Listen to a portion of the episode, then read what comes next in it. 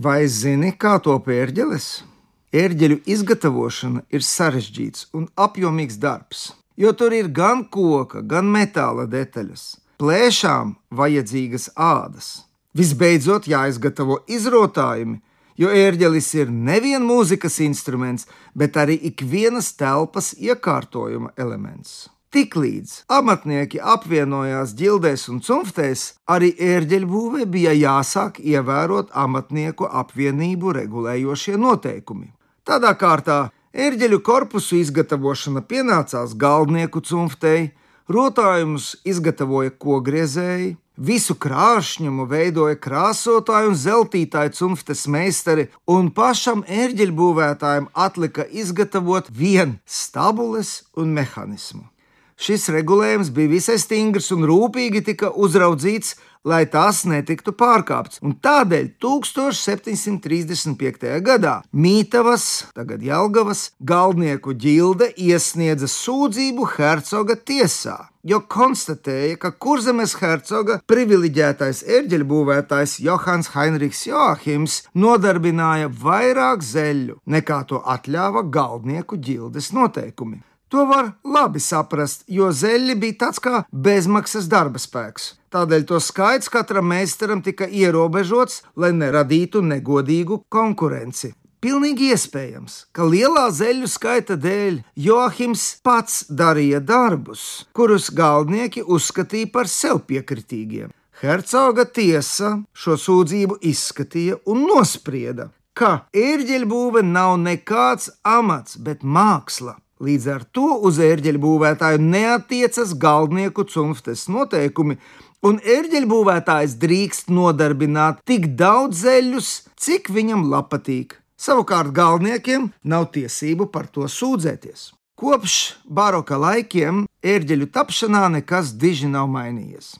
Vispirms tiek izvēlēts ērģeļu lielums un tips atkarībā no pielietojuma, telpas lieluma, telpas akustikas un daudziem citiem faktoriem, kuru starpā pasūtītāja maksātspēja nav no tiem pēdējiem. Visbeidzot, kad ir skaidrs ērģeļu lielums un pieejamā telpa, ērģeļmeistars var projektēt instrumentu, bet galdnieks sāk būvēt korpusu un prospektu.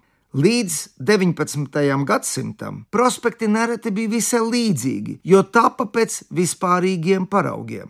It sevišķi tas attiecas uz maziem instrumentiem.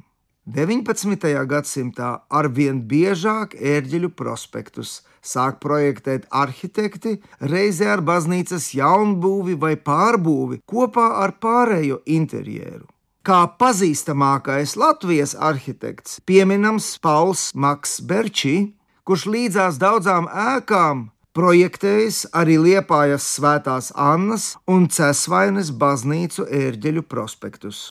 Kad no ērģeļu būvētājs nonāk līdz gatavajam korpusam, bieži redzams, kādas grūtības viņam jāpārvar, lai atvēlētajā vietā iebūvētu izraudzītā lieluma instrumentu. Parasti tās vietas ir par maz, un erģeļmeistaram nākas izlietot visādus trikus, lai tomēr dabūtu to visu iekšā. Stabules tiek visādi locītas, pilna garuma stabuļu vietā ievieto īsākas, bet ar to pašu skanējuma augstumu. Kopīgs bass vairākiem reģistriem. Visbiežāk rezultāts ir tāds, ka ērģeles nav iespējams normāli apkopt un uzskaņot.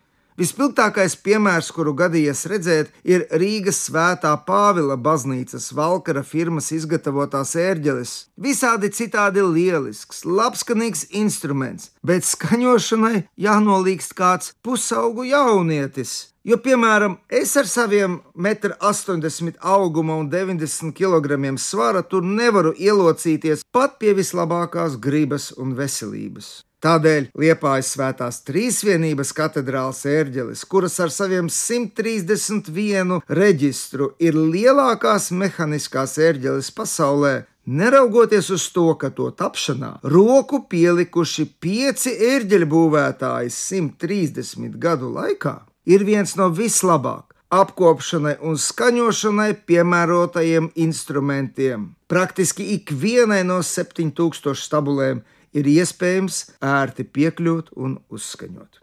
Ērģeļu tapšanā piedalās dažādu arodu pratēji - galdnieki, metālējēji, metāla stabuļu izgatavotāji, kalēji, kogriezēji, zeltītāji un krāsotāji, ādu apstrādes meistari, mehāniķi. Mūsdienās nevar iztikt arī bez programmētāja un datorspeciālista. Saprotams, ka tikai lielās fabrikās ir visi speciālisti. Mazie uzņēmumi vienmēr sadarbojas ar vajadzīgo nozaru speciālistiem vai pērk ērģeļu detaļas no specializētiem ražotājiem. Kad nu visas ērģeļu detaļas, plēšas, gaisa kanāli, vēlādes, stabules, klaviatūras, mehānikas detaļas un vēl tūkstoši un viens sīkumi, kuriem pat nosaukumu grūti atrast, tiek samontētas savā paliekošajā vietā, tā darbu uzsāk viena no vissvarīgākajām personām ērģeļu tapšanā, proti, intonētājs. Viņa uzdevums ir katru stabuli tā apstrādāt, lai viņas skan skaisti, reģistram atbilstoši, ne par klusu, ne par skaļu, labi saskaņojas savā starpā. Un tikai tad instruments ir gatavs, lai ērģelnieks nu rāda savu mākslu.